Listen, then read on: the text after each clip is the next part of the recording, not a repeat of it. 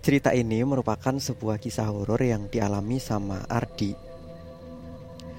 Jadi waktu itu Ardi masih berusia sekitar lima tahun dan kejadian ini yang benar-benar masih Ardi ingat dengan jelas sampai sekarang. Kejadiannya benar-benar sama sekali tak ada bagian yang Ardi lupakan karena menurut Ardi kejadian ini tuh kejadian yang menyeramkan.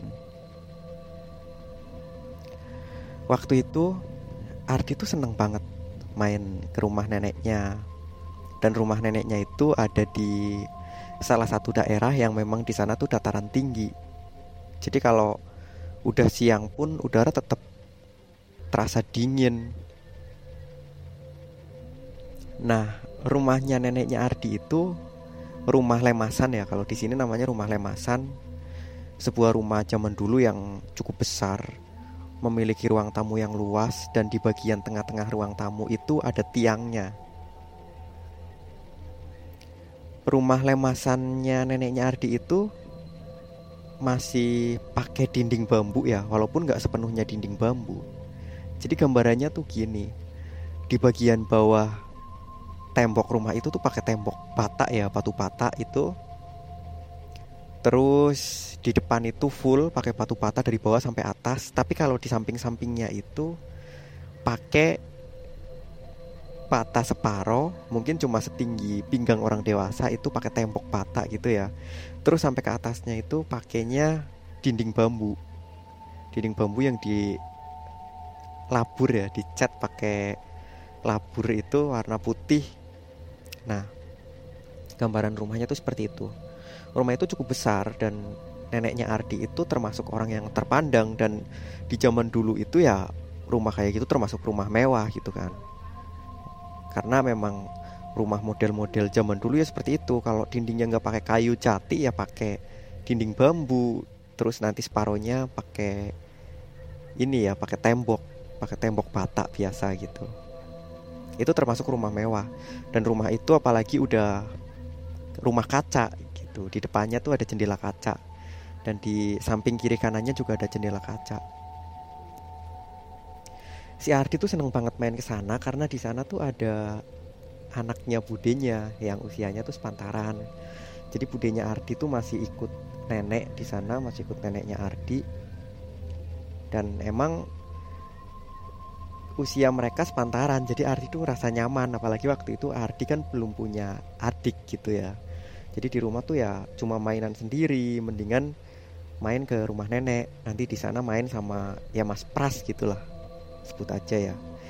Ini sepupunya si Ardi.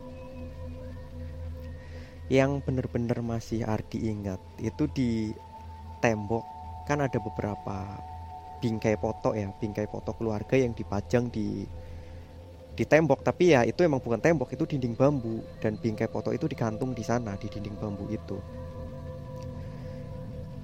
Terus di antara bingkai foto itu Ardi tuh ngeliat ada gambar Semacam lukisan ya Semacam poster.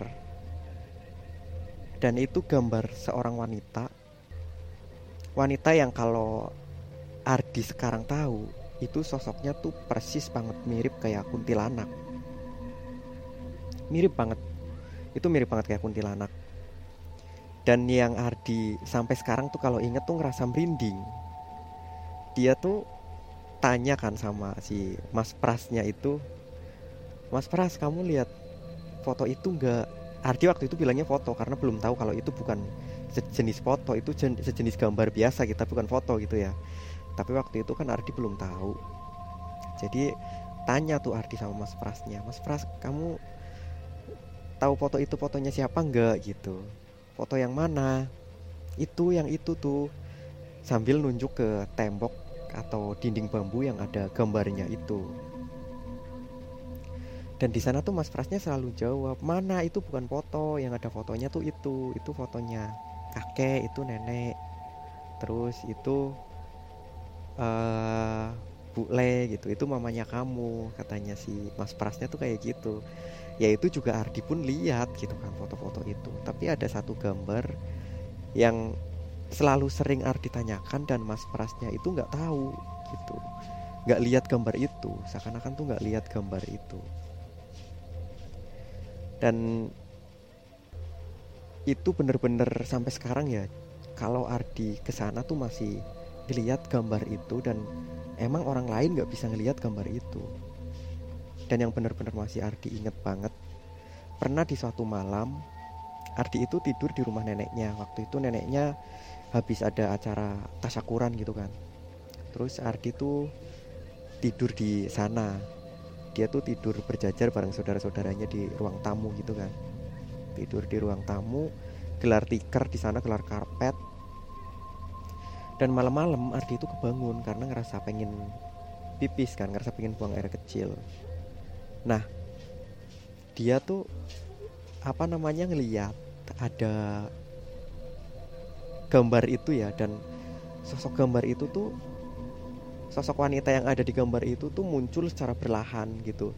Jadi bener-bener bukan gambar lagi tapi jadi nyata gitu loh muncul secara perlahan dan wanita itu tuh deketin si Ardi deketin wajahnya ke wajahnya Ardi sambil menyeringai gitu ya. Kan Ardi kan takut kan tapi waktu itu dia nggak nangis.